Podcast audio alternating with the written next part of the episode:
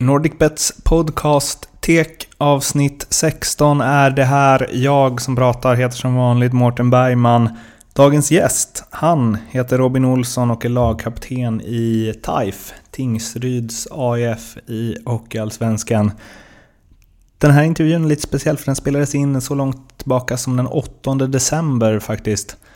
Men ett mycket intressant samtal rakt igenom där Robin pratar om sin eh, kärlek till eh, Tingsryd, hans moderklubb, hur det är att växa upp på den lilla orten med det stora hockeyintresset. Han pratar om hur det var att eh, lämna hemmet och pröva vingarna i både Rögle och Panten för att sen komma tillbaka och vara med både om att åka ur med och föra upp laget i Hockeyallsvenskan. Han pratar en del om vänskapen med NHLs superstjärna Oliver Ekman Larsson han pratar om hur eh, viktigt han har eh, upptäckt att det är att ta och acceptera och försöka maximera sin eh, roll. Även vikten av lagsammanhållning för att komma någon vart även om man på pappret inte har det bästa laget. Han pratar också om saknaden efter sin allra bästa vän som gick bort när de var 15 år. Hur det har påverkat och speglat hans karriär och så pratar vi förstås en del om de ekonomiska bekymmer som rådde i Tingsryd ehm, då i december. Nu fick de ju sina pengar och kunde fortsätta bedriva verksamheten men vi resonerar ändå lite kring det och även om det kanske känns lite ehm, out to date så ehm, tycker jag att det är intressant att lyssna på men jag vill att ni har det i åtanke på den biten om ni inte riktigt får ihop eh, vissa saker varför Robin pratar om det på som att det vore i nutid. Anyway, jag hoppas att ni tycker att det här samtalet är intressant och vi spolar alltså tillbaks eh, klockan till eh, Robin Olssons lägenhet i Tingsryd den eh, 8 december 2015. Mycket nöje. På bussen på väg hit i de mörka småländska skogarna så kollade jag igenom din Twitter. Um, lite grejer du retweetat och uh, vad du själv har skrivit och så. Um, och um, jag uh, fastnade vid uh, en retweet från OEL med kalsonger från Oliver Ekman Larsson. Använder du dem? Ja, det gör jag. Är du, är du till och med sponsrad med dem? Nej, det är jag inte. Eh, men eh, däremot i och med att vi är bra vänner och umgås flitigt så jag tycker jag det är kul att, att ha hans eh, grejer också. Har du kompispris då? Eh, ibland kanske. Då slår vi alltså fast att Oliver Ekman Larsson är snål. Nej, det vill jag inte säga. Vem, vet du om han själv är modell för dem förresten? Eh, han har varit med på någon bild, eh, vet jag. Men eh, annars har de kört med andra modeller. Vi, vi var på han lite och sa att det där är ju du liksom. Men nej, han sa, vill inte erkänna att det var han. men du, att, jag är säker på att han har varit med på någon bild. du är säker på det? Tror du att de är tuschade? Alltså redigerade eller? Mm. Uh, nej. Nej. han har bra magrutor. Ja. Um, en tweet från dig där var 12 november. Torskade skotten med 17-0 idag i sista pärren. Ändå täckte vi 13 i samma period. Det var nog timmar borta det. eh, vad säger det om ert lag? Ja, men det är mycket karaktär skulle jag säga. Mm. Um, vi hade, vi hade vunnit ett par matcher där innan ju och åkte upp buss till Sundsvall. Och det är lätt att hitta ursäkter och, och sådär. Men eh, just det vi, vi pratar mycket om att eh, det finns inga ursäkter liksom. Utan det är en ny match idag och vi ska göra allt vi kan för att vinna. Och sen det kanske inte ser så snyggt ut alla gånger men ehm, nej, det var en ruskigt skön seger. Vi, eh, vi hade inte ett skott på mål som sagt i sista perioden där. Och kunde spela av den matchen med, ja, med en del bekymmer men det, det löste sig galant ju. Ja. På vägen hit så smsade jag lite med Marcus Leifby Live Leifby, mest känd från eh, Sportbladets eh, live-rapportering. Stort eh, Tingsryd-fan. Ehm, och då undrar jag om han hade någon, någon fråga jag kunde skicka vidare. Och då skrev han fråga hur han som kapten gör att alla drar åt samma håll, tar jobbet och inte klagar. För det är verkligen en del av framgångssagan. Taif är helt otroliga på att bara köra i varenda byte. Stjärnorna täcker skott, annars får de sig en avhyvling. Mm, eh, det är klart, först och främst, jag kan ju inte bara ta på mig den äran som kapten. Men eh, eh, samma sak där, så jag tror det är lite av en process.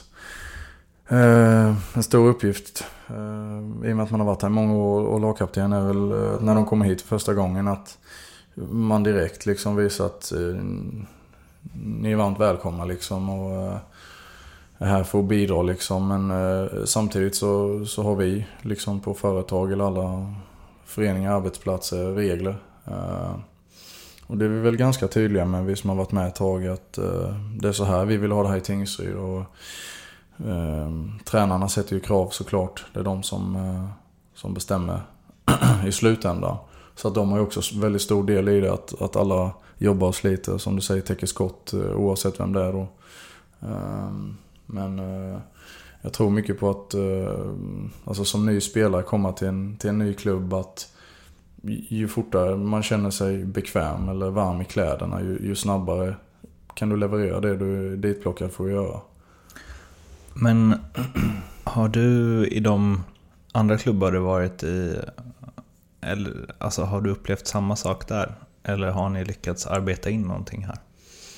Eh, jag kan väl säga så här att jag är ju född och uppvuxen här, spelat Tills jag slutade gymnasiet. Och eh, vi hade några eh, bra år faktiskt. Lite liknande detta. Där vi J18 tog oss till Allsvenskan och vann serien något år tror jag mot Frölunda och HV som hade alla landslagsspelare och sådär. Så att det var ju den känslan man ville åt liksom. Att lillebror faktiskt kunde, kunde rubba lite på de där. Eh, sen flyttade jag ner till Ängelholm och också en ganska familjär känsla faktiskt. Och likadant när jag kom till Panten. Det var ett ett äldre lag men eh, väldigt god stämning och um, vi var inte så bortskämda i panten utan uh, det var det viktigt att hålla humöret uppe och, och verkligen hålla ihop gruppen. Så att ja, lite utav samma stil känner jag väl igen faktiskt. Hur mycket är du bakom den och hur mycket är det att du passar in i den?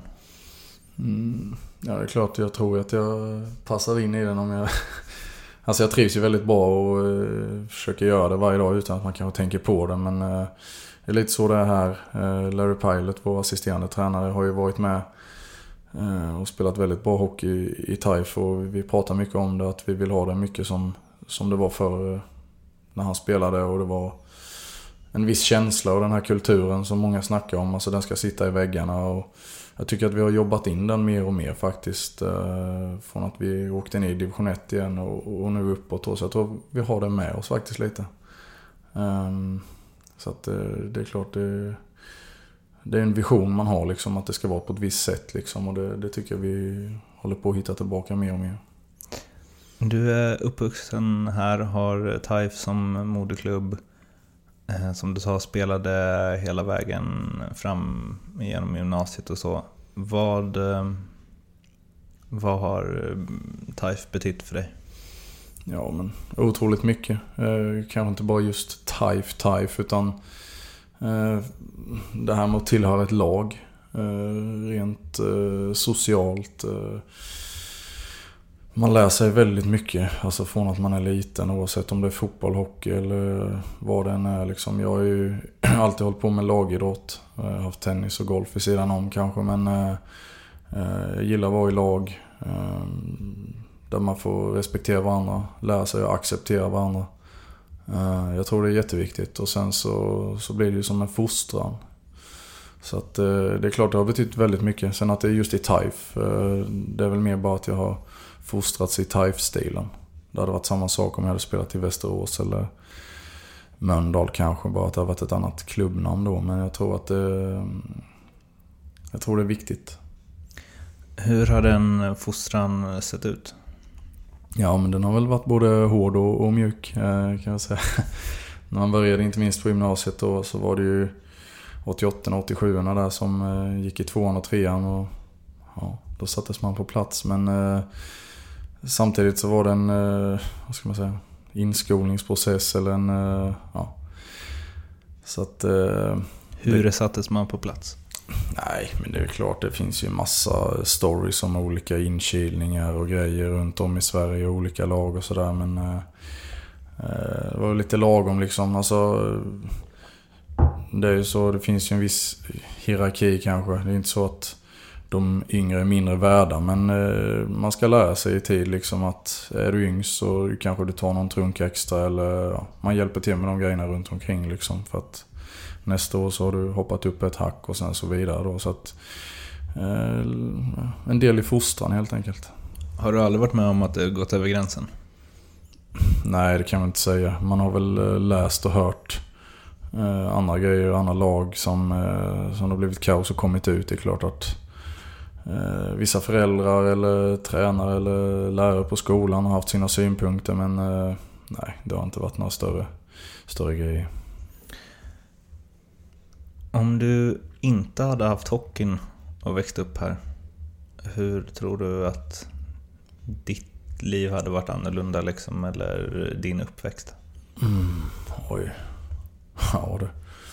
Det vet jag faktiskt inte. Det är en, en väldigt svår fråga att, svara på. Ehm, min pappa har spelat hockey här. Eh, jag har en lillebror som är två år yngre. Alla kompisarna spelade hockey, fotboll och det var landhockey, bandy på rasterna. Och man stack till hallen så fort man kunde, höll på att säga. Ehm, så att eh, jag vet inte vad jag hade gjort faktiskt om jag ska vara ärlig. Jag har lite svårt att se det. Ehm. I procent, hur, hur stor del var hockeyn av din uppväxt? Ja, det beror väl på. Ju äldre man blev så märkte man att det var just hockey man ville hålla på med eller, eller satsa på då. Eh, men eh, jag höll på med så mycket jag kunde när jag var yngre. Liksom. Älskade idrott och tävla och i alla olika möjliga former. Så att eh, ju, ju äldre man blev ju mer eh, tog väl hockeyn över då. Hur, eh, eller när fattade du att, eh, du var, att det här är din grej? Jag kanske kan bli bra. Det är svårt att säga. Det går ju lite fram och tillbaka. Det är, alltså, när det går bra då är det ju det är riktigt roligt. Och det är klart man, alla har ju sämre dagar och veckor och, och sådär. Men eh, skador kommer och går. Och, um, men eh, jag flyttade ju ner. Jag valde att flytta härifrån efter gymnasiet då för att spela ett år i Superelit när vi inte lyckades gå upp med Tingsryd då. Så jag flyttade ner till Ängelholm. Och bodde där ett år och sen så därifrån gick jag till Panten. Eh, och det var väl lite där jag kände att mitt första seniorår liksom var väl lite av ett hundår. Ehm, för min del, alltså man fick jobba väldigt hårt men samtidigt så flytta till Malmö själv då, bo där och kunna träna. Gå upp vid kvart över sex på morgonen och jobba till, till ett liksom och sen kunna träna vid fem. Det, det var lite skillnad för vi mötte Tingsryd då som var bäst i den division 1-serien och gick ju också upp det året. Ehm, så jag visste att det var lite skilda världar men hade inställningen liksom att jag måste kriga och det gick bra för mig det året och fick komma hem till Tingsryd efter det och sen där någonstans så har jag väl känt att det är det här, jag... nu kör vi liksom. Är du, mm, var du liksom, vad ska man säga, var du stjärnan under pojkåren eller så? Absolut inte. Inte, inte ens nära? Nej, inte ens nära. Det vill jag inte säga själv i alla fall. Det är klart jag har väl alltid haft ganska bra speluppfattning och står rätt och sådär men eh, det var väl mer killen som, eh, som såg till att det inte skulle bli några mål bakåt. Än, eh, för vi hade ju andra killar som kunde göra mål framåt då. Mm. Um, men så TV-pucken? Och... Aldrig varit med i TV-pucken eller varit nära några landslag eller sådana grejer utan nej hållit på för att jag tycker att det har varit roligt liksom. Och drivkraften jag har är ju liksom komma till hallen varje dag, ett skönt gäng och, mm. och, och, jobba utifrån det då. Och nå ett uppsatt mål eller nå framgång ihop. Det, det är det man brinner för liksom. När du bestämde dig för att eh, flytta till eh, Ängelholm, ehm, var det för att du inte fick chansen här?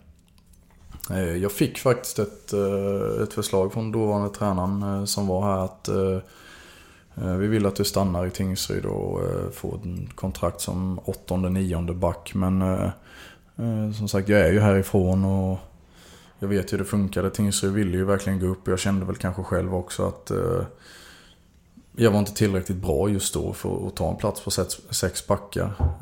Så jag sa det till dem att jag skulle gärna vilja komma iväg. I och med att jag spelat hela mitt liv och bott här och eh, ja, både utanför planen och, och på planen då få spela i, i superelit. Och, så att eh, ja, det gjorde jag i alla fall. Och med facit i hand så tror jag att det var ganska nyttigt faktiskt. Var var det störst liksom, påverkan, inverkan på dig? Ehm, att flytta till en ny stad? Eller att spela i ett annat lag? Eller för en annan förening? Nej men det, det, måste jag säga var mest utanför isen. Eh, det är klart. Då var jag ju ändå så pass gammal. Jag menar när vi började på hockeygymnasiet här så var det ju många i klassen som flyttade hit givetvis. Och mm. de var ju tre år yngre då, jag vet inte om man är 16 år kanske. Mm. Jag tror det var en större omställning för dem än, äh, än att flytta iväg efter gymnasiet. Äh, då är man väl lite mer vuxen men äh, det är klart har man bott hemma hos mamma och pappa och fått mycket serverat och tvättat och, och grejat och sådär så det är klart det blir en omställning men samtidigt så jag hade inga större problem med det så utan eh, jag vill väl ha ordning och reda. Mm. Säg det att vi sitter ju hemma hos dig i ditt kök, så eventuella kylskåpsljud i bakgrunden är just kylskåp och inget annat. Eh, men det får ni stå ut med. Var det på något sätt så skönt att... eh, eh, jag tycker att man har läst så himla många som är uppväxta på små orter som säger att de liksom och visst, det finns en kärlek men det är också en hatkärlek och vi i tonåren ville man bara därifrån och göra någonting annat och så. Kände du så när du lämnade för Rögle? Nej, det gjorde jag inte. Eh, det är klart att man, eh, när man skulle börja gymnasiet så, så sökte man ju till andra, kanske lite bättre gymnasier med för att se om man hade någon chans egentligen för att komma in då. Men äh, Spelade du inte TV-pucken eller sådär så visste jag väl på förhand att det, det, skulle bli svårt liksom. Så jag hade väl på känn att det skulle bli Tingsryd då. Äh, sen är det klart, de som inte höll på med hockeyn. Äh, där känner jag igen det lite du pratade om att det var ju många som sa liksom ah, vi ska in till Växjö eller man ska dit och bo kvar här. Nej, liksom. Mm. De tongångarna men eh, vi som spelar hockey vi vet liksom att eh, här finns det bra förutsättningar. och skolan och hallen ligger nästan vägg i vägg och uh, en trygghet helt enkelt. Mm.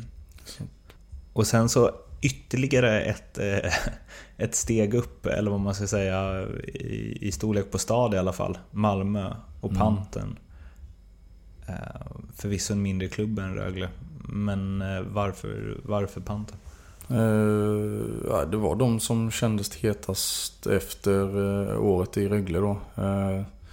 Som sagt, Tingsryd misslyckades och gå upp det året jag var i Rögle. Mm. Och kände väl kanske att de...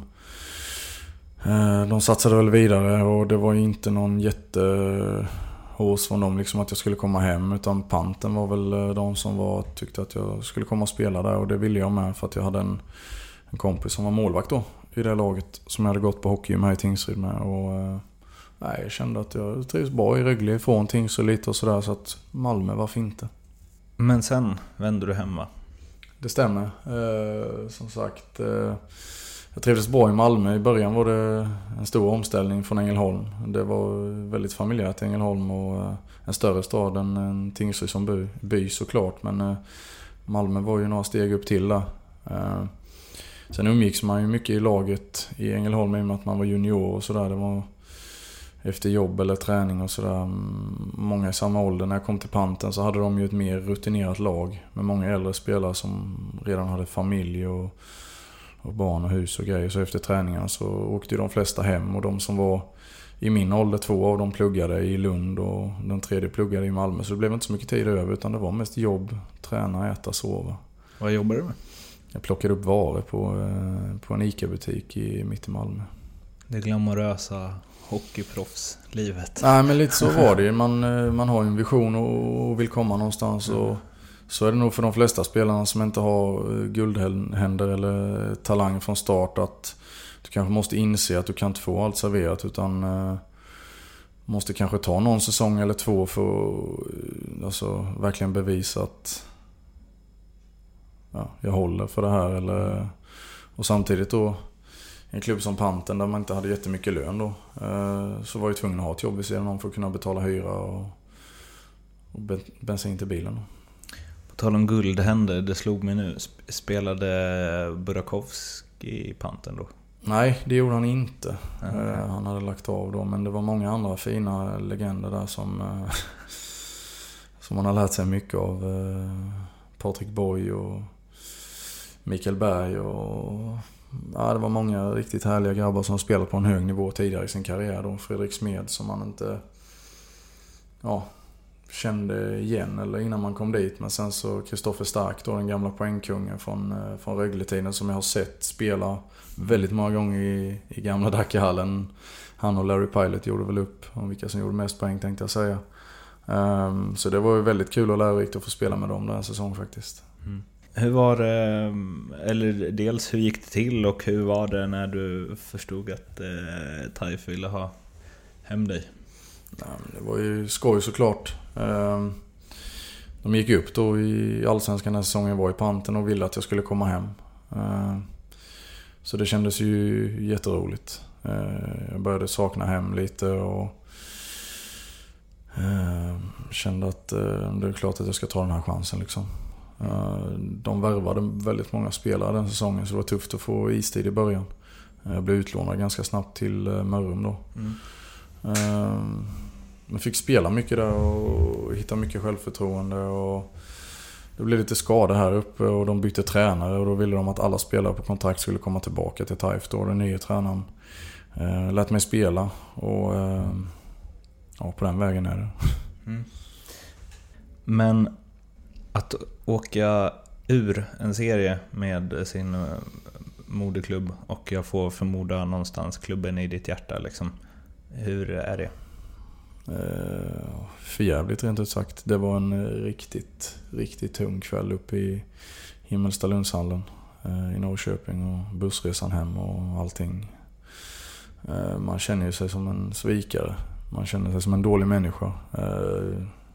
Ja, det är inga roliga känslor som, som bubblar upp men samtidigt så är ju livet så.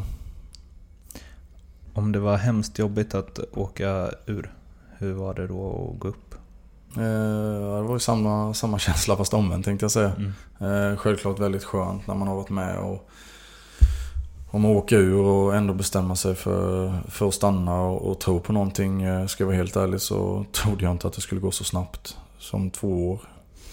Men eh, de två åren i division 1 hade vi fantastiskt roligt. Och en mm. riktigt bra stämning alltså. Det var, det var makalöst. Um, och kunna gå upp med det gänget. Uh, där, ja, vi var ju som bröder allihopa tänkte jag säga. Eh, många som har gått i skolan ihop och ja, många som, utav de nya som kom in som eh, var precis som oss andra tänkte jag säga. Så att mm. Eh, från första dagen så var det ju, ja, det hände både roliga grejer och, och bra grejer tänkte jag säga. Men det var en fantastisk känsla att gå upp med, med det gänget. Var det givet att stanna när ni åkte ur? Eh, direkt efter så ville man mest bara fly. Faktiskt. Eh, det var jobbigt att gå och handla på Börjes. Vi har två matbutiker här, det är Börjes och Ica. Eh, man känner ju de flesta i byn såklart och de flesta är hockeyintresserade. Och som jag sa innan, man kände sig som en svikare, som en dålig människa. Så det var jobbigt. Det var en jobbig tid i början där. Men säsongen tog slut och ja, vi valde några, ja, vi är ett gäng som umgås väldigt tajt och åker över till Oliver till USA då. Och, eh, vi var där i några veckor och eh, någonstans där så växte väl fram att, eh, att man skulle stanna i och med att de andra grabbarna också kände att vi vill stanna. Och det hände en hel del grejer hemma när vi var iväg de veckorna. Eh, styrelsen byttes ut och Olivers pappa Patrik tog över som sportchef här och, och ringde över och sa att vi, vi ska börja om liksom. Och, vi vill ha med er på den här resan då. då det är klart att någonstans så kände man ju att eh, man ser ju alltid det positiva. Det kunde ju gått åt, åt pipan också. Mm. Vi kunde varit kvar i division 1. Men nu gick det så pass fort och eh, ja, för en egen del känns det ju som en saga såklart. Det kanske låter löjligt för andra men eh, för att göra det med moderklubben och, och, på det viset så, så känns det ju fantastiskt bra. Mm. Um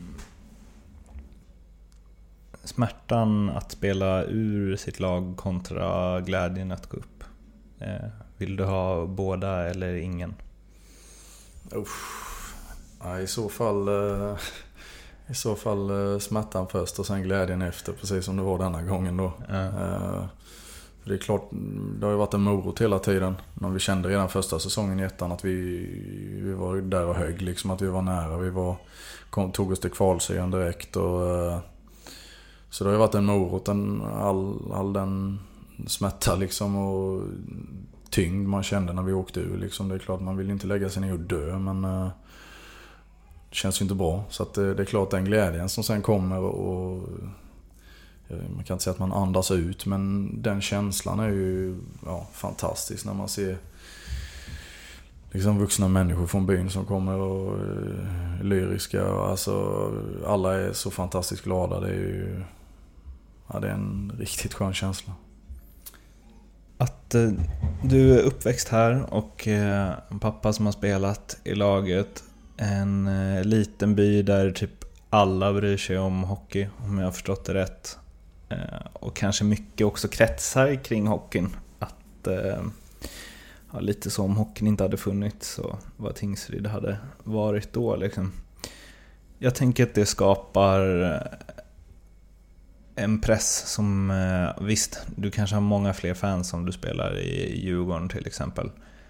Men i en miljonstad så kan du ju gömma dig. Eh, och det kan du göra även i typ Växjö. Men här tänker jag att eh, man kan inte gå och handla utan att träffa någon som vill prata hockey med en. Vad gör det med en? Liksom? Har du reflekterat över det eller är det bara att det alltid varit så för att du är uppväxt här? Liksom? Eh, det är väl lite både och liksom. Man har väl fått lära sig att hantera det på något sätt. Eh, det är väl som du säger, det är det är ganska svårt att gömma sig här. Eh, om du ska käka lunch eller om du som du säger ska gå och handla så är det ju... Det snackas ju hockey konstant. Det är klart det, det är kul att folk bryr sig och, och brinner för det så pass mycket som, som det är. Va? Men eh, någonstans så får man, ju, får man ju lära sig att hantera det liksom. Eh, men det... Ibland när det är riktigt tungt så brukar jag fundera på det och, och tänka att det finns ju så mycket värre saker i världen och eh, det är ju trots allt bara en idrott vi håller på med. Försöker man intala sig själv när det går tyngre eller dåligt och så här va. Men eh, man kan ju inte vika ner sig för mycket heller för då kan du inte prestera sen ändå ju. Mm. Det är väl något man får lära sig att, att hantera helt enkelt. På en sån här pass liten ort som det är och när det är många som bryr sig och när det går bra så är det ju väldigt kul men när det går tyngre så är det klart att då är det tyngre. Är det... Mm, är det någon, har det någonsin varit så jobbigt liksom så att du typ så att du skiter i att gå och handla? Mm, nej. Ja. Nej, det var, det var väldigt jobbigt eh, efter att vi hade åkt ut. Eh, det var det. För det var, det var en besvikelse. Ehm, men eh, nej, jag sket ju aldrig att gå ner och handla. Men det är klart man kanske väljer sina tider. Mm. Så mycket kan jag väl säga. Mm. Ehm, så är det. Det är så då? Och luvan upp liksom?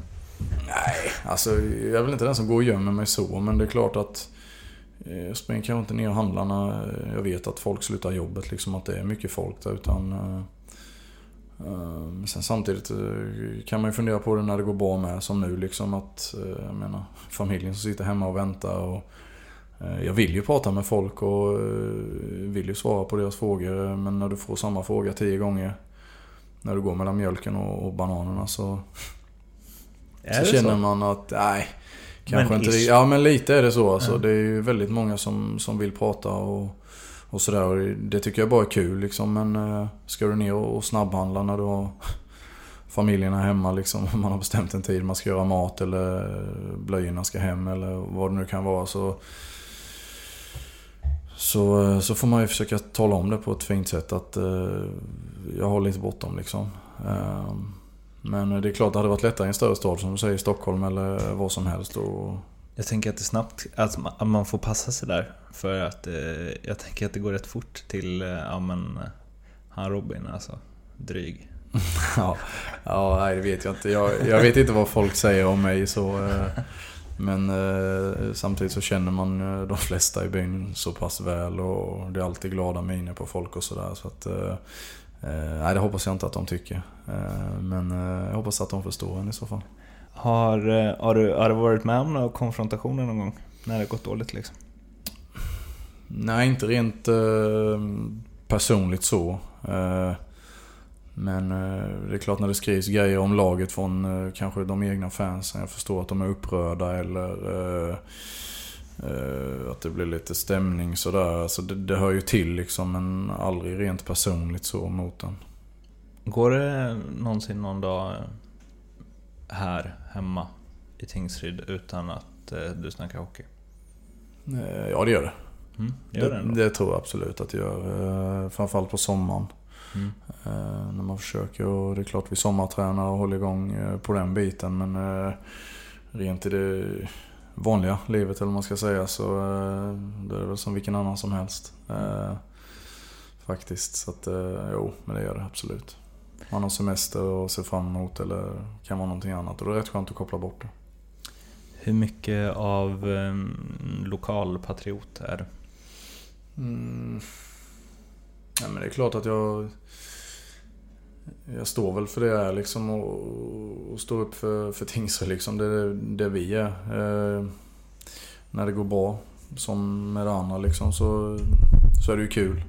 Eh, men samtidigt så är det inte så att jag försöker att eh, hetsa fram något onödigt eller ja, på det viset. Utan eh, ja, vi står väl upp för, för de vi är liksom. Och, men samtidigt så måste man vara ödmjuk och ha båda fötterna på jorden. Liksom, vi vet om att vi är en liten klubb men eh, som jag sa tidigare så lite det som driver oss också. I alla fall mig personligen. Och, eh, kunna vara den här lilla klubben, utmanaren då som eh, kan slå de större lagen och, och föreningarna med otroligt högre omsättningar kanske och, och arenor och allt runt omkring. Så eh, det är klart det är extra skönt när, när ett litet lag då som kanske är lite underdog kommer och vinner. Den känslan efter matcherna är ju riktigt skön. Mm, tänk på det du sa med, mellan mjölken och bananerna där. Alltså mm. hur... Eh, en sån som säger Eric Castongay som kommer hit med eh, risk för att det uttalet inte var klockrent. Eh, vad, vad liksom...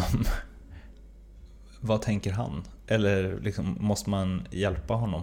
Typ att du, det kommer ta tid att handla bara så du vet. Mm, nej, det vet jag inte vad han tänker. Det är klart, han känner ju inte så pass många i och med att han inte kommer härifrån. Eh, sen kan inte jag svara på hur många som kommer fram till honom och pratar med honom när han handlar eller sådär. Men eh, det förstod de nog ganska snabbt när de kom hit att det är en liten by liksom. Mm. Och, ja, vi kunde vara ute och springa liksom på sommaren och det stannade någon på cykel och liksom, ja. Så de märker nog ganska kvickt att det ja, att det är en liten by där, där de flesta bryr sig om hockeyn liksom. Ja. Ehm, alla vill ju bara väl så att eh, jag har inte hört någonting från någon. Varken av de som är härifrån eller de som har varit här ett par år eller från de nya. Att, eh, att de tycker att det är jobbigt eller upplever det på ett eh, konstigt sätt. Utan mm. eh, ja, alla vill nog bara väl. Hur hemkär är du? Um, jag vet inte. Nu har jag ju varit eh, här några år igen sen jag flyttade hem ifrån Malmö då. Uh, sex år. Uh, det är klart att jag trivs bra. Jag känner ju såklart en trygghet här. Uh, man har vuxit upp här och sådär men... man har mycket kompisar här. ja, det infinner sig en viss trygghet såklart när du kanske har strul med bilen eller någonting annat som du känner att shit det här löser jag nog inte själv. Men då har du alltid någon som, som hjälper dig liksom på ett väldigt eh, enkelt och smidigt sätt. Istället för kanske om man inte har någon som man känner i en ny stad eller sådär. Men det, det är klart att det, det är sånt där som, som man lär känna folk och, och bli bättre också. Men eh, alltså hemkär vet jag inte. Jag hade nog inte haft några problem att flytta just ifrån Tingsryd, Tingsryd så. Utan eh, det beror väl på vart man skulle flytta i så fall eller var man skulle bo. Jag tror jag skulle trivas ypperligt där också. Men eh, man har ju så mycket med sig. Blev det på något sätt här, med tanke på att din pappa spelat i laget att... Uh, Alltså det här är bara sånt som jag... Eh, som byggs på fördomar, men jag tänker så att det snabbt börjar kanske på ett litet, litet ställe snackas om så här... Ja men han spelar för att hans pappa är den och den, eller... Eh, eller att man känner press att man ska hålla på med det man gör för att liksom pappa var duktig eller så. Mm. Känner du igen dig i något sånt? Nej, det jag känner, alltså det du sa först där med att han spelar för att hans pappa spelar. Det är ju rätt skönt för det är ju ett par killar till i laget som, som deras pappa också har spelat här. Så, eh, så där känner jag faktiskt ingenting. Så det är rätt skönt. Och det var så pass länge sedan eh, fast han spelade också. Så att, eh det är inte så att han... Men det var liksom aldrig så under uppväxten? Heller? Eh, nej men lite kanske man kände i och med att han var tränare. Från att jag var liten upp till man var 14-15 år. De sista åren så kanske det var lite att... Eh, eh, man det var väl egentligen mest att man tyckte att det var alltid jag som fick skiten. Mm. Av honom. Eller han kunde ju såklart säga till mig på ett annat sätt än vad de an, han gjorde med de andra spelarna eller killarna i laget. Då. Eh, men det är såklart bara något som jag upplevde själv. Mm. Samtidigt så var det en trygghet också när man var iväg och att ens tränare var ens pappa då liksom. Mm. Man kunde ju ta de här bitarna med honom samtidigt då ju. Men nej, något sånt känner jag absolut inte.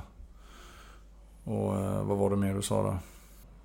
Nej, men jag tänker att han har spelat hockey i den här föreningen och... Ja men om du kände något att ja men det är klart jag ska bli hockeyspelare liksom.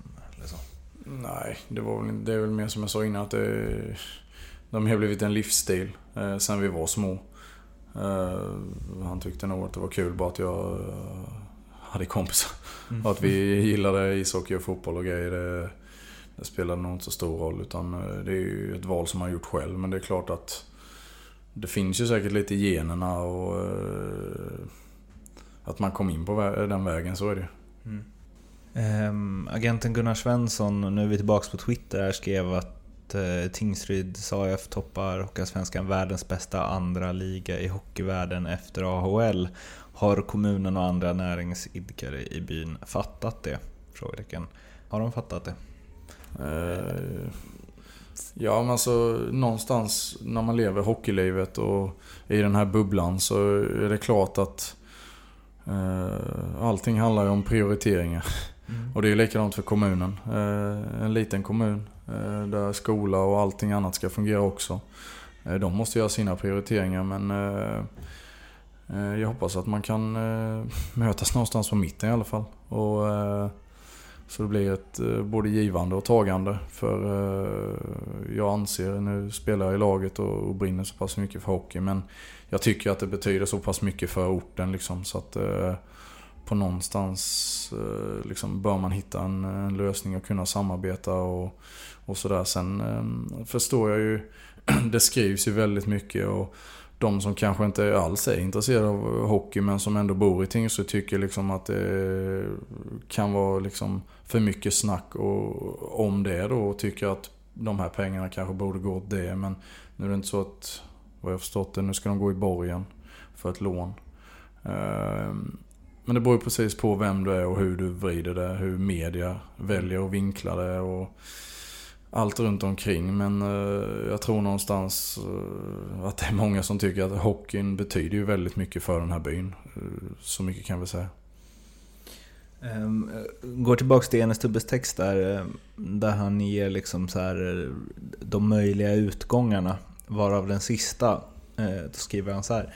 Konkurs då? Är det inte läge att inse att loppet är kört? Kasta in handduken, rensa skulderna, uppstå under namnet Tingsryds HK och tre, fyra år senare aspirera på en plats i elithockeyn igen? Nej. Dör Tingsryds AIF dör också hjärtat av hockeyn på orten, högst troligt för gott. Den djupt utbredda och unika supporterkulturen kommer aldrig, aldrig att acceptera någonting annat än Tingsryds allmänna idrottsförening. Det fungerade i Växjö, just därför kommer det aldrig att fungera i Tingsryd. Håller du med? Uh, ja, jag kunde inte sagt det bättre själv. Tänkte säga. Uh, eh, nej, men jag håller med honom. Uh, det är väl lite så att vi är väl kanske den där lilla byn som all, de flesta runt omkring kanske då stör sig på. Men samtidigt så vet jag att nej, vi vill inte byta namn eller utan vi vill ju på något sätt så stolt som möjligt bibehålla vår förening. Mm. Eh, som grundades långt innan både du och jag föddes liksom. Eh, det är en stolthet bara i det. Och en styrka att inte vika ner sig och välja den enkla vägen. Mm. Eh, så jag är stolt över att folk tycker så. Mm. Och faktiskt tänker så att eh, men vi ska kämpa. Mm. Både på och utanför isen.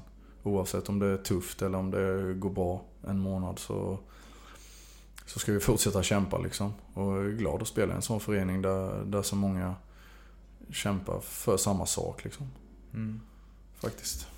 Jag tyckte det här blogginlägget från Enestubu var så sjukt bra så jag kör vidare på det. Um, ett annat exempel där som man säger vad ni kan göra är att uh, ja, men göra en eh, Malmö Redhawks när de blev Baby Hawks. Um, och då skriver han så här. Kontraktet är så gott som säkrat och SHL är en utopisk omöjlighet av alla ekonomiska och praktiska skäl i världen. Um, jag tänker att vi pratat nog om konkurshoten, men kan Tingsryd spela i SHL i framtiden? Uh, som det ser ut nu så är det väl uh, många grenar till på träd som ska växa ut liksom. Det ju, krävs ju en enorm organisation och allt runt omkring med inte minst krav från, vad säger man, eh, Hockeyförbundet och ja, allt vad heter arena och grejer och i slutändan så blir ju det pengar. Mm.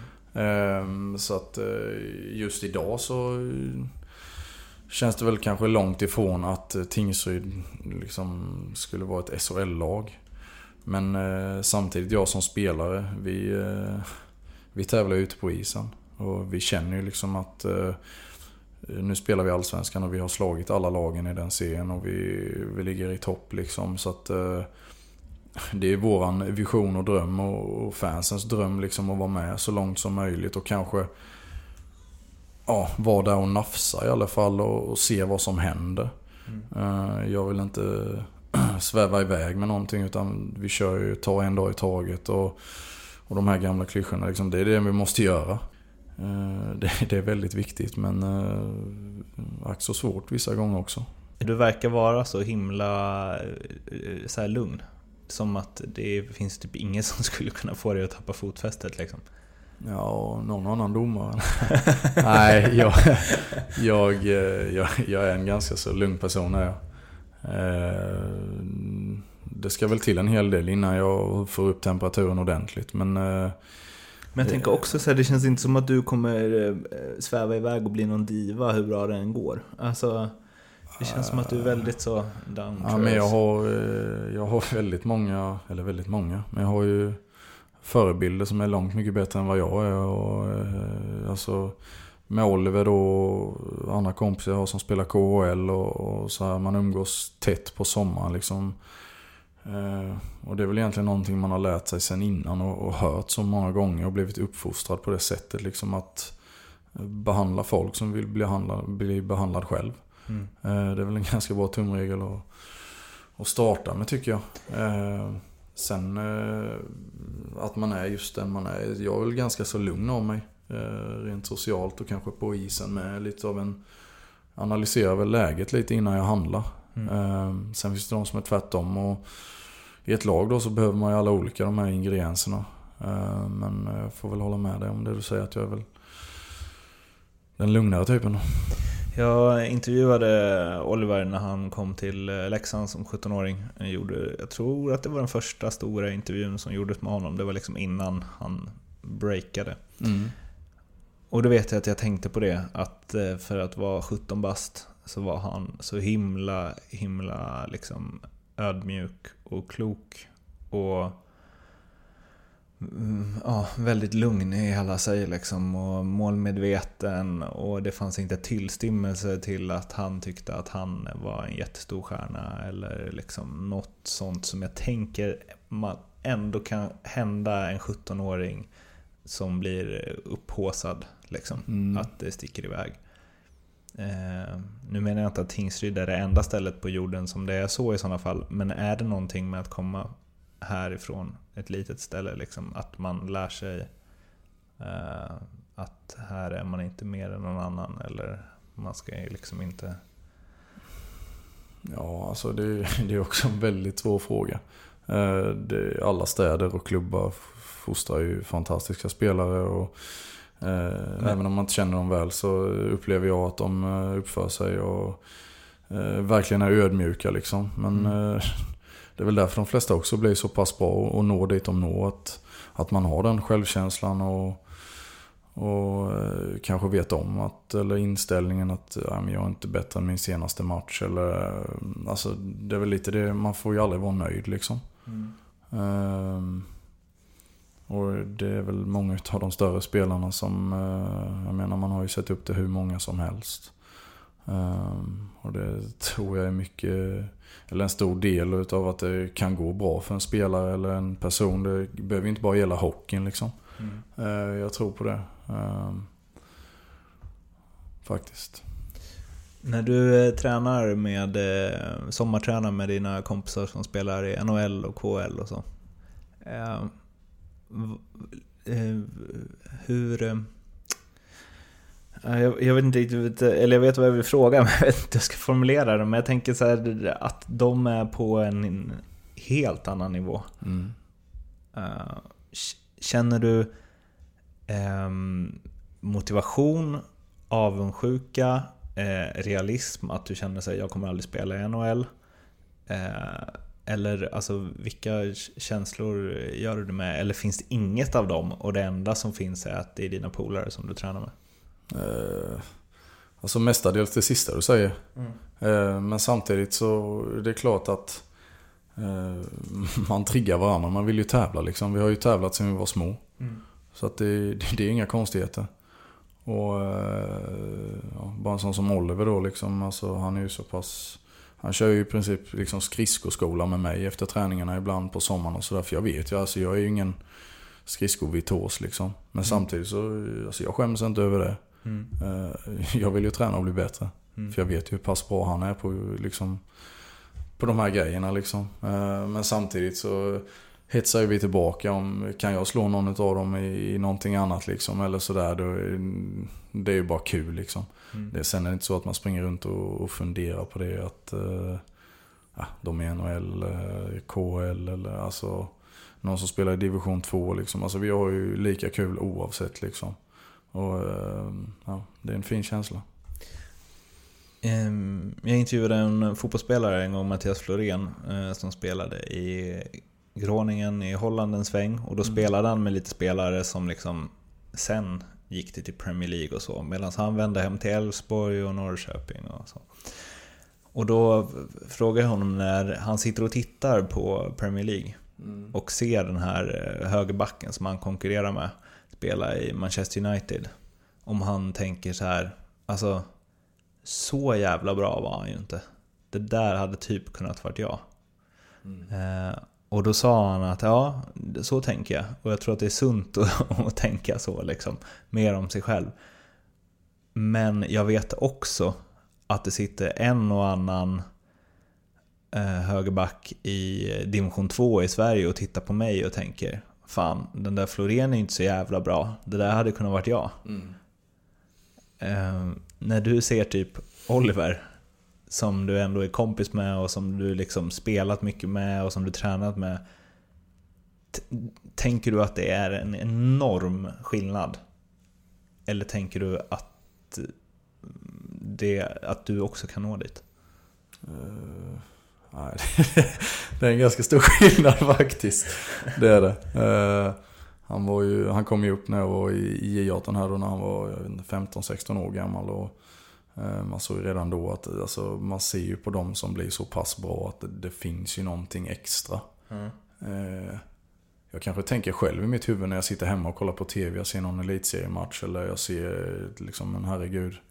Vad gör han nu? Eller vad, det där hade jag kunnat göra mycket bättre. Men mm. sen ska du också utföra det när du väl är på isen. Mm. Det är ju lite det det handlar om. Att våga göra det, att uh, kunna göra det, att uh, ja, ha verktygen i sin låda. Liksom, så att lite köper jag ju ditt eh, resonemang att eh, man har spelat med folk som kanske har gått antingen uppåt eller man har spelat med folk som har varit, eh, ja de har varit så mycket bättre när vi har varit eh, yngre eller kommit upp mm. i tonåren och sen så stannade av helt liksom.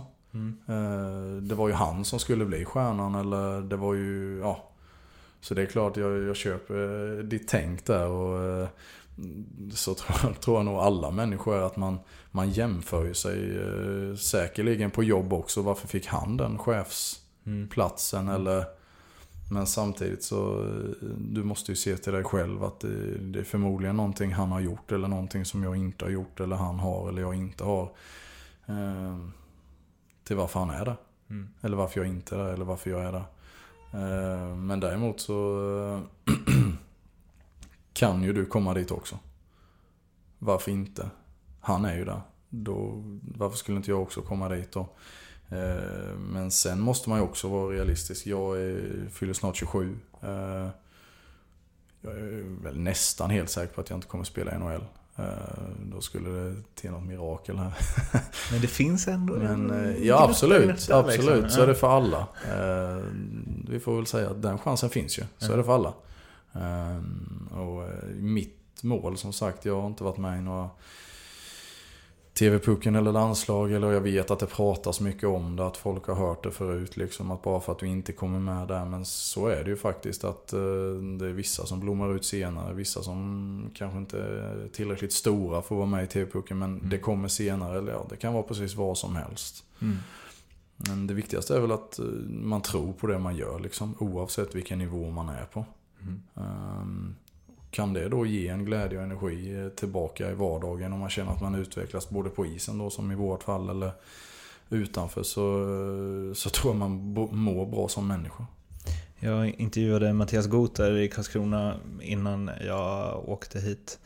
Eh, och då frågade jag honom om så här, NHL, han är väl, ja, han är väl 27-28 någonting mm. han också. Om NHL-drömmen dött liksom. Och då sa han, nej, det har han inte liksom helt. Eh, och så hade han, eh, han, man har sett vissa spelare som man har tyckt varit liksom, ja, hyggliga, men inget mer. Mm. Och knappt lagt märke till. Um, och det kanske inte är jättemånga så, man tog Patrick, Patrick Hersley som exempel. Och sen bara smäller det. Mm. Och så går man från allsvensk spelare till KL på två säsonger. Mm. Och landslaget och hela faderullan. Um, är det viktigt att här, ha den, den drömmen vid livet då? Ja men det tror jag. Jag tror det är viktigt för alla att ha en dröm liksom. Uh, det blir väl lite det som är, blir drivkraften tror jag. Mm. Uh, sen är det ju väldigt olika. Eh, jag vet inte, många kanske bara har den här just NHL-drömmen liksom. Att det är det liksom. Mm. Jag har väl hela tiden varit sån att jag väljer att dela in min, min dröm i lite, alltså delmål. Mm. På vägen helt enkelt. Och så länge jag känner att det går framåt så är ju ingenting omöjligt. Eh, sen om man pratar med folk eller det går inte runt och säger att man ja, men vill leda Hockeyallsvenskan nu, nu drömmer jag om NHL liksom. Så funkar det ju inte.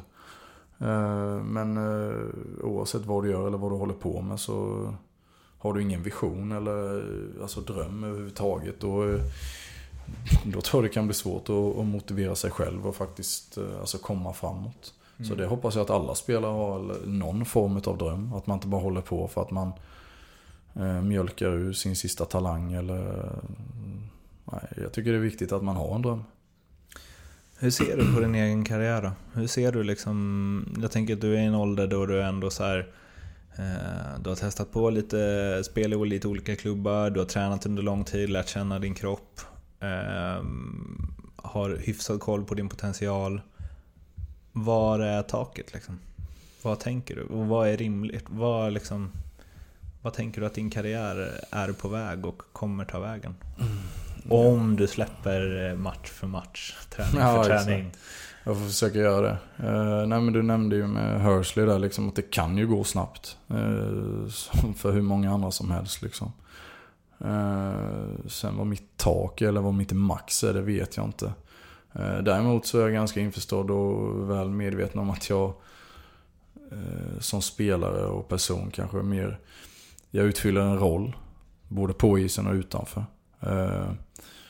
Jag vet att jag inte kommer komma högre upp för att jag ska liksom göra 20 mål nästa år och 35 assist. Eh, för det har jag inte gjort än så länge. Eh, men däremot så får jag speltid tack vare att jag respekterar min roll i laget eh, och på isen. Och det är det jag kan göra och det jag trivs med för det är det jag kan göra liksom. Mm. Så att... Men får ändå avsluta i att komma tillbaka, att bli lite bättre liksom. Jag behöver inte säga ta match för match eller träning för träning, men jag vill hela tiden bli bättre. Eh, både på de grejerna som jag själv tycker att jag är bra på. Eh, och absolut inte tycker att det känns konstigt eller dumt att träna på de sakerna. Eller prata om det som man tycker att man borde utveckla. Eh, det är därför jag håller på, för att jag vill bli bättre. Du sa innan vi började prata att, eh, ja, men att du ville prata om eh, en sak, eller så här, personer som betytt mycket för dig. Eh, och då tog du upp eh, en eh, och dina nära vänner som gick bort när du var 15-16. Mm. Ehm, du får jättegärna berätta om honom. Ja, det stämmer. Um, vad det betydde liksom. Yes, Erik Klaberg heter han och och eh, växte upp ihop här då i en eh, liten by. Vi var ju väldigt tajta. Ehm, eh, han eh, gick bort i en eh, magsjukdom eh, efter att vi hade gått första året på gymnasiet då. Och det är ju en kille som, som var vår bästa spelare i laget som hade en fantastisk inställning till hockey och allting. Uh, be happy, don't worry. Lite den känslan liksom. Och, uh, det är väl egentligen inte förrän man förlorar någon som man inser liksom hur mycket som saknas eller fattas. Uh, så för min del så var det väldigt tungt i, i början såklart. man kände sig lite vilsen och Eh, när det gick dåligt så eh, kanske man funderade om det var på grund utav det eller alltså det var en väldig process där i början. Eh, I alla fall den första säsongen vet jag om och vi har pratat om det mycket hemma och sådär också. Men med lite distans och åren har gått och sådär så känner jag ju att det är en oerhört stor liksom, drivkraft för mig. Att man vill liksom ja, föra hans anda vidare så att säga. Ehm, så det, det har väl speglat mig ganska mycket tror jag. Eh, och gjort mig till den jag är idag. Både som person och eh, hur man uppför sig i ett lag och så vidare. Mm. Ehm, och sen är det klart, man funderar ju när man umgicks varje dag var så nära. Jag vet att efter gymnasiet. Så han vill ju sticka till USA och gå college och, och spela där. Man funder, jag funderar jätteofta på det. Vad, undrar vad han hade varit idag liksom. Hur hade det gått för honom? Mm. Uh, så att uh, det har väl betytt väldigt mycket för mig. Både som person och, och som hockeyspelare. Um, hur ofta tänker du på honom? Oj. Det, det går upp och ner. Uh, gör det. Som sagt, nu var det ju några år sedan som han gick bort. Ehm, så att eh, tyvärr är det någonting som man får lära sig att leva med. Mm. Hans familj bor kvar, han har två systrar och mamma och pappa och man springer på dem. Och, ja, det är ju väldigt många saker som påminner om just honom. Mm. Eh, utan att man kanske reagerar på det, men man, man tänker på det. Det finns, en, det finns med en liksom. Mm. Um, så att det, det, är klart, det kommer alltid finnas, finnas med. Kan du känna en tacksamhet i det? Att det, liksom, det som var hans dröm någonstans, att spela hockey, att du får göra det? Liksom. Och just det här att man kanske kan, jag tänker när, det är, när hockeylivet är jobbigt, att man kan så se eh, att man ändå lever sin dröm. Liksom.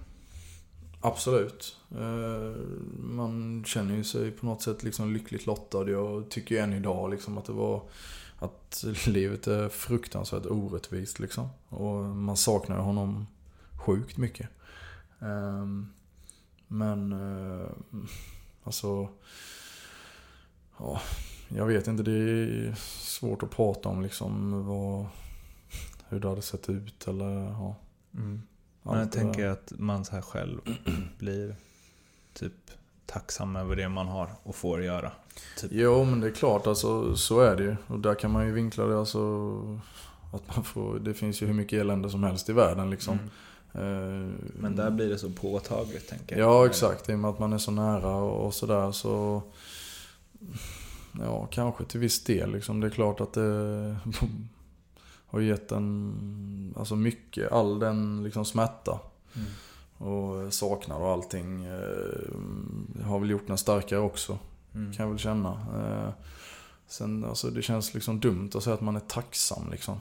Mm. Det känns jättedumt. Eh, Det känns konstigt att säga det när man har förlorat någon så liksom. Precis som att, ja, en stor saknad liksom av en människa och en bästa vän liksom.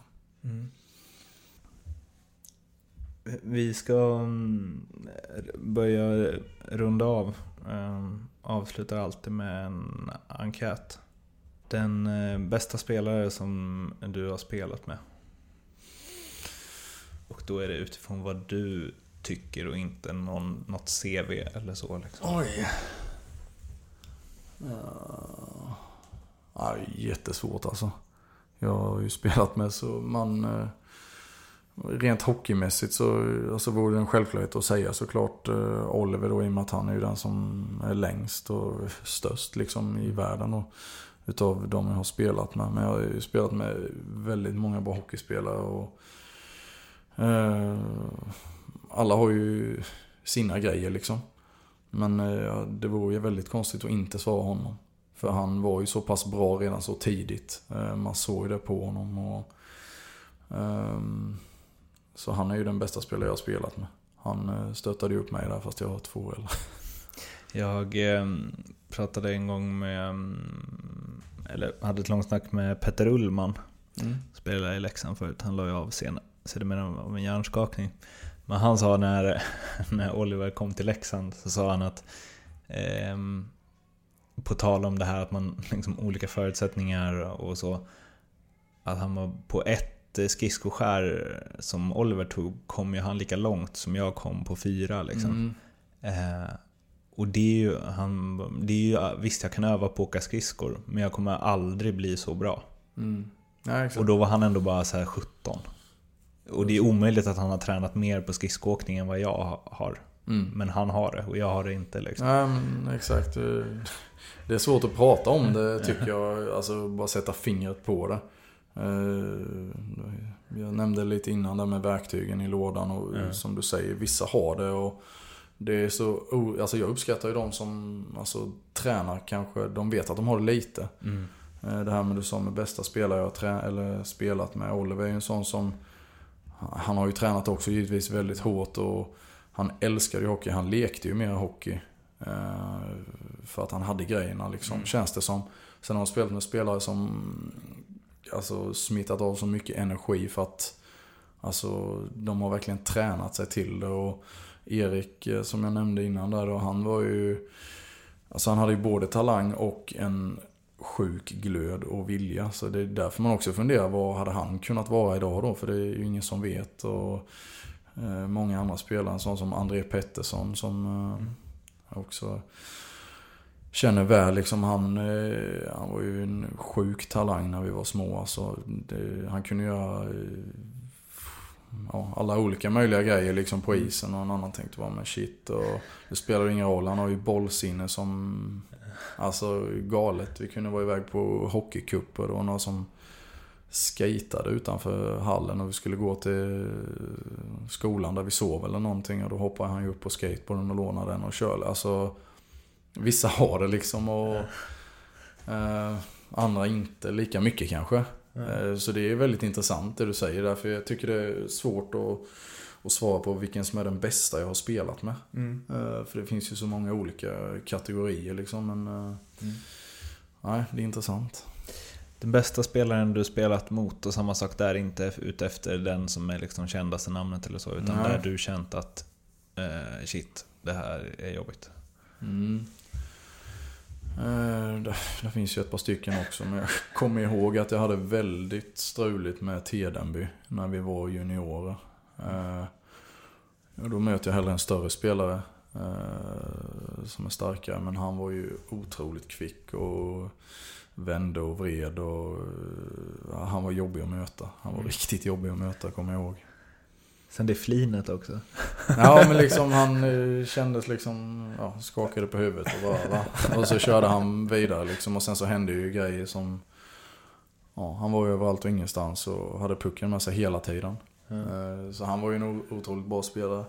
Eh, sen märker man ju än idag liksom att i Allsvenskan, det, det, finns ju jättemånga skickliga spelare liksom. Och någonstans så vet du om i och med att du har ganska bra koll på dem. Mm. Att vem det är som kommer med pucken emot dig. Mm. kanske får sitta tillbaka lite och, och, stå på rätt sida och bara spela smart. Mm. Men det är också någonting som man lär sig eh, av genom åren tror jag. Eh, men eh, det finns många skickliga spelare ute. Den bästa lagkamrat du haft som i liksom om man bara bedömer någon på hur den är i ett omklädningsrum och på isen. Och kanske inte liksom hockeyskillsen. Mm. Eh, där finns ju också otroligt många som alltså bidrar och på sina alla olika liksom, sätt och sådär. Men eh, Erik såklart. Eh, bästa vän och eh, som gick upp tidigare och spelade med J18 kanske då när vi var U15, U16 och han låg ju steget före hela tiden. Och, eh, han behandlade ju alla. Alltså, han liksom bad inte om ursäkt för vem han var eller vad han stod för. Utan jag tycker det är väldigt viktigt att man är sig själv. Man har ju spelat med många spelare också som man märker kanske att de är lite osäkra och, och försöker vara någon annan eller alltså man vinner väl kanske inte någonting på att trycka ner någon annan liksom. Man blir inte bättre av det själv liksom. Och sånt har gjort mig irriterad genom åren. Ehm, men jag kan inte nämna någon, någon speciell liksom, bästa lagkamrat så utan jag har haft väldigt många eh, fina lagkamrater genom åren och i de olika klubbar jag har spelat i liksom. Så att det, det är jag väldigt glad över. Din största framgång hockeymässigt? Eh, min största framgång hockeymässigt, det måste väl varit när vi gick upp nu i våras då.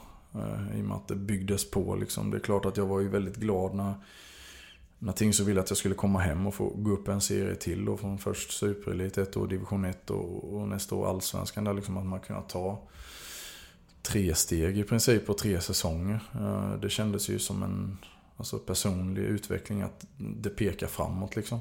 Mm. Eh, så var det ju. Eh, men rent känslomässigt så var det ju när vi gick upp liksom. I och med att man hade varit med och åkt ur. Och kunna vara med och ta upp samma lag igen då igen. Det, ja, det är väl den största minnet, alltså positiva, som jag har i min karriär hittills. Eh, det största misslyckande inom hockey? Ja du. Uh,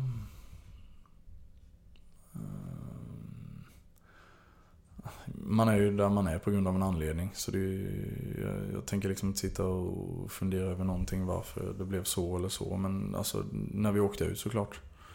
Uh, det var ett misslyckande. Så det får jag säga. Um, vad är det, det är en liten luddig fråga, men sjukaste, konstigaste, bästa storyn som har hänt dig inom hockeyn? Som du kan säga, on tape. Uh, ja, alltså det är ju så mycket sjuka grejer. det, det, är så mycket kul liksom, men utan att nämna några namn eller någonting. Jag kommer ihåg uh, vi, vi hade varit i Frölunda och skulle, hade spelat där. Eh, skulle vidare efter matchen men bussen åkte aldrig och till slut så kom, jag tror det var Frölundas lagledare in och sa liksom att um, ja, lämna tillbaka handdukarna liksom. Jag funderade, vad fan är det nu då? Uh, och då hade vi ju fått Frölunda, eller handdukar med Frölunda-emblem på efter matchen då mm. Eh, som vi duschade med. Men då hade ju fan, mer än halva laget hade ju packat ner de här handdukarna i sin väska för de ville ha med dem hem då ju. Eh, så det var lite genant och pinsamt när grabbarna drog upp handdukarna ur väskan och kastade fram till honom. För att han skulle ju ha de där handdukarna. I vet, Linköping så var det eh, två killar, deras kaffekokare hade gått sönder i, i lägenheten. De bodde tillsammans här då på hockeygymnasiet. Vi mötte Linköping borta. Eh, och våran lagledare kom in i bussen också efter matchen när vi skulle åka. Uh, och frågade vilka var som hade snott kaffekokaren som stod i omklädningsrummet. uh, så då fick uh, två stycken bära hundhuvudet där och gå fram och lämna tillbaka den. Men de tyckte det var en bra idé att ta med den hem. Liksom, att ingen skulle märka det efter matchen. Mm. Spelar de på hög nivå idag? Kaffekok-tjuvarna? Nej, det är ingen hög nivå men två fantastiskt sköna lirare liksom. okay. Sådär. Um... Om du fick regissera din sista match i karriären. När den är, hur gammal du är, vilket lag du spelar i, vilka ni möter, vad din roll är och vad som händer i matchen. Liksom. Mm. Uh, oj. Pam, pam, pam. Så snabbt med uh, Jag vill ju spela länge. Alltså jag trivs ju. Jag vill spela så länge kroppen håller. Så länge jag har den här glöden som jag känner nu. Liksom. Den, uh, Eh, att man siktar framåt hela tiden. Eh, vad jag gör från nu fram till dess. Det, det kan vi ju lämna. Eh, men sista matchen såklart, alltså nu har jag varit i Tingsryd i så pass många säsonger och jag hade ju sett fram emot att få avsluta karriären här på ett bra sätt. Sen oavsett vilka man, vad vi snackar liksom. Det är klart det hade varit kul, som du säger, om några år liksom. Om det hade kunnat byggas upp lite och kanske ta steget upp då. Eh, det hade varit en dröm nu när du ställer frågan som du gör. Eh, men eh, i stora hela så, jag får avsluta där man känner att man har liksom tillhört, haft en tillhörighet länge. Och få göra det med den äran, skulle jag vilja säga. Sen resultatet i sig är väl... Ja, det kan man ju spekulera och drömma om hur man vill. Men lite på det sättet känner jag väl kanske. Hur mycket tjänar du? Ja, så att jag kan handla mjölk och banan. eh, ja, och sen eh, två bonus här. Eh, jag kollade igenom lite laguppställningar med vilka du har spelat med genom åren. Mm. Och det var två jag fastnade för. Okay. Eh, Conny Strömberg. Mm. Hur är han? Ja, det är en, en lirare. Ja. En, uh, ja, han snackar och han kör sitt race liksom. Ja. Han var här i några månader så jag kan inte sitta och säga att jag känner han så pass väl liksom. Eh, det kan jag inte göra. Men eh, nej, man skrattade ju hela tiden. Mm. Oavsett liksom. Fruktansvärt rolig kille men han visste nog inte om att han var så rolig. Jag tror inte. I alla fall här så var han det. Det är klart han kom in liksom. Man har ju spelat mot han innan och mm. han är ju den han är liksom. Alla vet vem han är. Så det är klart att man hade ju en målat upp en egen bild av honom innan han kom hit. Mm. Eh, men eh, nej, det jag kan säga var väldigt roligt att spela med en skön person liksom. Backchecking inne. Mm. det var, var kanske inte hans största styrka men ja, alla, alla, alla vet ju så pass mm. väl vem man är som hockeyspelare. Så. Vissa har det, andra inte. Ja men exakt, men samtidigt hade ju han andra grejer som, som många andra inte kunde göra då kanske. Eh, och eh, Mike Santorelli. Mm. Som liksom eh, alltså har varit en väldigt bra NHL-spelare i åtminstone två säsonger. Ja. Sen han tackade ifrån. Eh, absolut. Eh, det var under lockout-säsongen som han kom ut och vi hade, eller kom hit. Hans bror Mark Santorelli spelade här två säsonger och det var ju på den vägen då vi fick Viktor fast och vi fick eh, eh hit Mike. Däremot så tror jag att han spelade ju bara en, eh, ja, en handfull matcher tror jag. Innan han valde att, att åka hem igen. Eh, och eh, jag hade hjärnskador. Jag var skadad vet jag. Så jag spelade aldrig tillsammans med honom på isen. Men däremot liksom såg han ju på träningarna och på matcherna och, och sådär. Och där någonstans så, det du nämnde innan att det kändes som att många spelare inte var så långt ifrån honom. Mm. Eh, du säger att han har gått väldigt bra i NHL och så under några säsonger. Men eh, eh, han hade ändå vissa grejer som, som gör att han kan ligga på den nivån och spela i NHL då. Men för en liksom vanlig, inom situationstecken, person som går och kollar på hockey så det var inte killen som stack ut så mycket som de andra NHL-proffsen gjorde som var här och spelade. Mm. Um, så att, uh, nej, det är väl kul att, att det går bra för honom. Sen har jag ingen kontakt eller någonting mm. så, men mer med hans bror då. Uh, ja. Kul när det går bra för andra. Exakt, jag får glädjas med dem bara. Grymt. Tack så jättemycket för att du ställde upp. Tack själv. Avsnitt 16 av NordicBets podcast Tek var är där till ända. Robin Olsson, alltså Tingsryds lagkapten, bjöd på mycket trevligt samtal och det hoppas jag att ni också tyckte. Har ni synpunkter på podden så är det bara att höra av sig till mig på martenmeth.bergman.gmail.com eller martenmethbergman på Twitter.